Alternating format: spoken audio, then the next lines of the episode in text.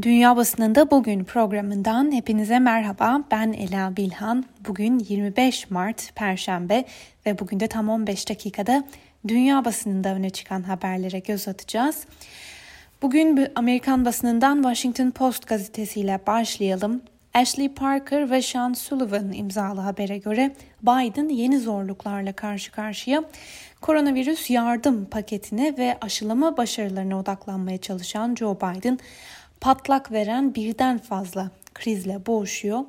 En büyük iki meydan okuma ise Boulder'daki kitlesel silahlı saldırı ve sınırdaki göçmen krizi.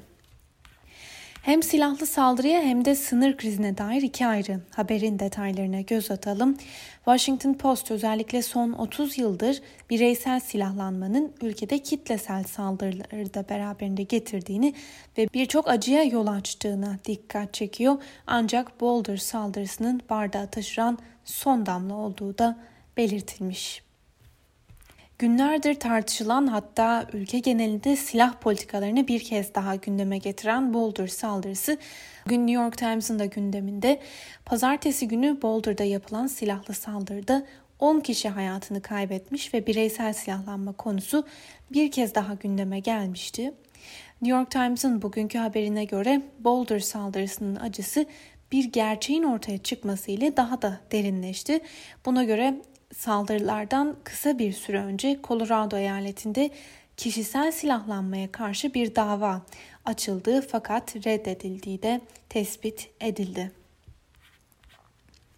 ABD'nin güney sınırında artan göçmen akışı büyük bir siyasi ve insani kriz yaratmış durumda diyoruz günlerdir aktardığımız haberlerde. Son olarak Biden bu e, göçmen akışını durdurmak ve Meksika ve Orta Amerika ülkeleriyle yürütülecek temaslara liderlik etmesi için Başkan Yardımcısı Kamala Harris'i görevlendirdi. Voice of America'nın aktardığı haberde ise şu detay hatırlatılıyor. Eski Başkan Barack Obama döneminde de Başkan Yardımcısı olan Biden aynı görevi üstlenmişti. Öte yandan demokratlar sınırdaki durumun sorumlusu olarak eski başkan Donald Trump'ın katı göçmenlik politikalarını gösterirken Cumhuriyetçiler Biden'ın göçmenlere vaatlerinin sınırdaki yığılmayı tetiklediği görüşünde. Reuters haber ajansı bu görevin Harris için bazı siyasi riskleri de beraberinde getirdiği yorumunu yapıyor. Bunun nedenlerinden biri sınırdaki göç konusunun birçok başkan için çözümü zor bir sorun olması. Ancak süreci yürütürken temel hedefinin insanları ülkelerinden ayrılmamalarını sağlamak olacağını dile getiren Kamala Harris, El Salvador, Guatemala ve Honduras'ta hükümetlerle, özel sektörle ve sivil toplumda temas kurarak demokrasiyi ve hukukun üstünlüğünü güçlendirmek, bölgede refahı artırmak için uğraşacağını söyledi. New York Times'ın gündemindeki bir haberle devam edelim. Andrew Cuomo'nun ailesinin korona testlerine özel erişim sağladığı konuşuluyor. Buna göre New York valisi Andrew Cuomo'nun ismi bu, bu kez de bir yolsuzluk skandalına karışmış gibi gözüküyor. Üst düzey sağlık yetkilileri Cuomo'nun ailesindeki kişilere devlete ait testlere özel erişim verildiği ve ayrıcalık tanındığı yönünde bir açıklama yaptı. New York Times'a göre paralel farklı birçok soruşturma sürerken Cuomo yeni bir siyasi kriz ile de karşı karşıya.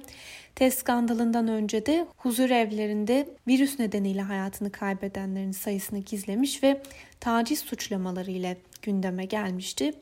Bu konuda bir anket yapılmış. Buna göre demokrat seçmenlerin %50'si Cuomo'nun New York'un bir sonraki belediye başkanı olması gerektiği konusunda kararsız. Ve Amerikan basınından iki haber daha paylaşalım. Sonrasında İngiliz basınıyla devam edelim. ABD Senatosu çarşamba günü Başkan Joe Biden'ın Sağlık Bakanı yardımcısı adayı Rachel Levin'in adaylığını onayladı. Böylece Levin Senato tarafından onaylanan ilk trans birey oldu.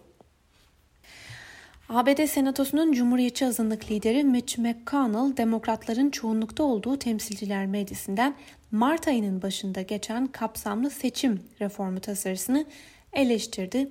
McConnell tasarıyı partizanca bir girişim olarak da niteledi. Bültenimize İngiliz basını ile devam edelim. İngiltere'de pub, restoran ve kafelerin 12 Nisan'da dış mekanda hizmet vermeye başlaması öngörülüyor.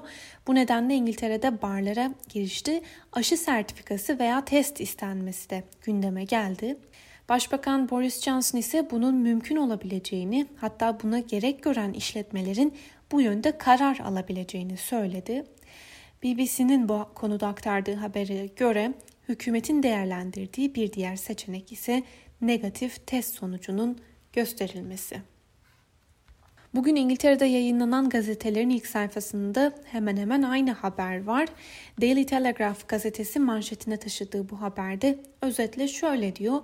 Hükümetin kararı bu yönde olacak gibi gözüküyor. Ancak özellikle Muhafazakar Parti'nin bazı bakanları bunun özgür bir ülkede ayrımcılığa neden olacağını dile getirmeye başladılar. Benzer bir şekilde The Times gazetesi de bu kararın sert bir muhalefetiyle karşı karşıya olduğunu yazmış.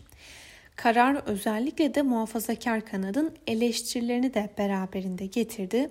Aşı olmaya isteksiz olan azınlık grupları çoğunlukta dolayısıyla aşı pasaportlarına bağlı bu tür bir uygulama onlara yönelik ayrımcılığın artmasına neden olabilir yorumunu yapanlar da var diye yazmış bugün Times gazetesi.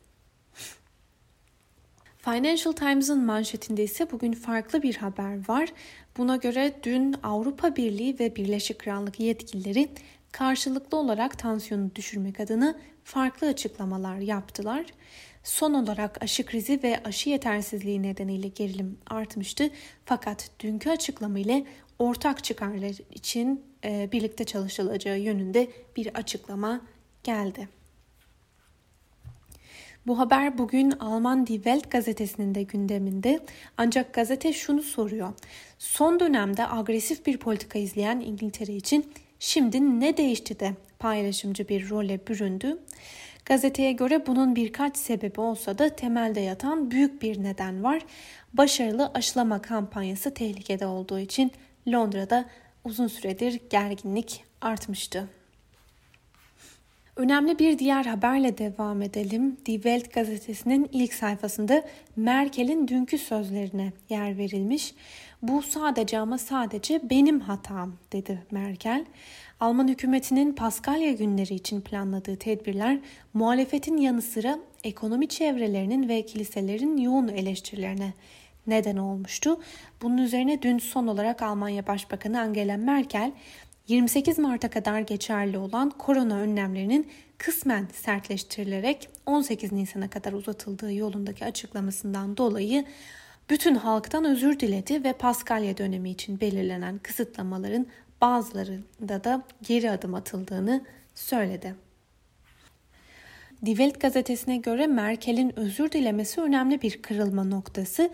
Böylece şansölyenin kriz yönetme becerisi resmen çökmüş oldu. Merkel ilk defa vatandaşlardan özür diliyor.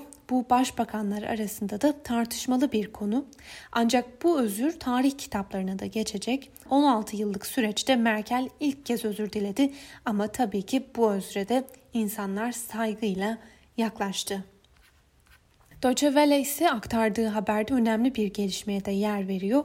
Merkel'in halktan özür dileyerek iptal kararları alınan tedbirleri iptal etmesinin ardından muhalefet partileri izlenen pandemi politikası nedeniyle hükümet için güven oylaması istedi. Ve Alman basınından bir haber daha. Alman hükümeti Avrupa Birliği Komisyonu'ndan Rus yapımı koronavirüs aşısı olan Sputnik 5'in sipariş edilmesine dönük çalışmaların başlatılmasını istedi. Fransa'da yayınlanan Le Monde gazetesinin aktardığı bir habere de kısaca göz atalım. Fransa'da Cumhurbaşkanlığı seçimine bir yıldan az bir süre kalmışken Cumhuriyetçi cephedeki çatlak gündeme geldi. Seçim öncesi anketler sol kanattan Sosyalist Parti, boyun eğmeyen Fransa ve Avrupa Ekolojisi Yeşiller Partilerinden seçmenin yarısından fazlasının Marine Le Pen'in Ulusal Cephe Partisi'ne karşı blok oluşturamayacağı görüşünde. Yapılan 3 anket seçimin ilk turunda Marine Le Pen'in önde, ikinci turda ise Emmanuel Macron'un önde olacağını gösterdi. Aşırı sağcı Le Pen'in Macron karşısında yeniden güç kazanmasının bir bölüm seçmenin Macron karşısındaki hayal kırıklığıyla bağlantılı olduğu yorumlandı. Rusya'ya dair bir haberle devam edelim. Moscow Times'ın aktardığı habere göre Rusya'nın gündeminde bu kez de anayasal reformlar var. Görev süresi 2024 yılında sona erecek olan Rusya Devlet Başkanı Vladimir Putin'in 15 yıl daha iktidarda kalmasını sağlayacak olan yasa Duma'dan geçti. Çünkü mevcut yasalara göre Putin 2024 yılında bir kez daha aday olamayacaktı.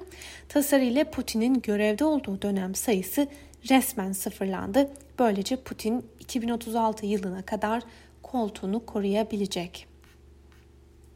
Moscow Times'ın bir diğer haberine göre de Navalny'nin sağlığı özellikle tutulduğu hapishane koşullarının da etkisiyle kötüye gitmeye devam ediyor. Bu süreçte avukatlarıyla görüştürülmediği de aktarılan ayrıntılar arasında.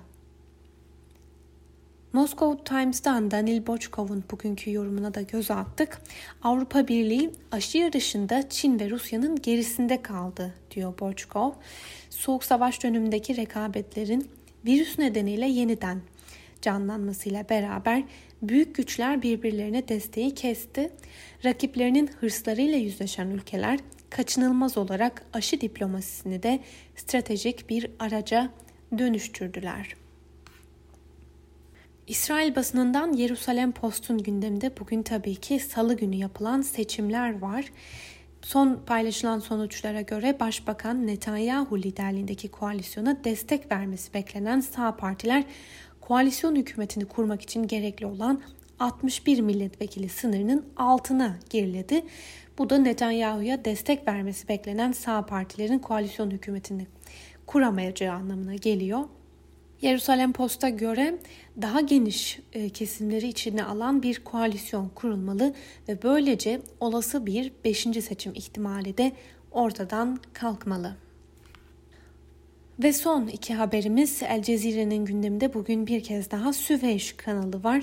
Dün de aktardığımız bir haber vardı. Süveyş kanalından geçerken elektrik kesintisi nedeniyle duran 200 bin ton ağırlığında ve 400 metre uzunluğundaki gemi kanalı tıkamış ve gemi geçişini de engellemişti.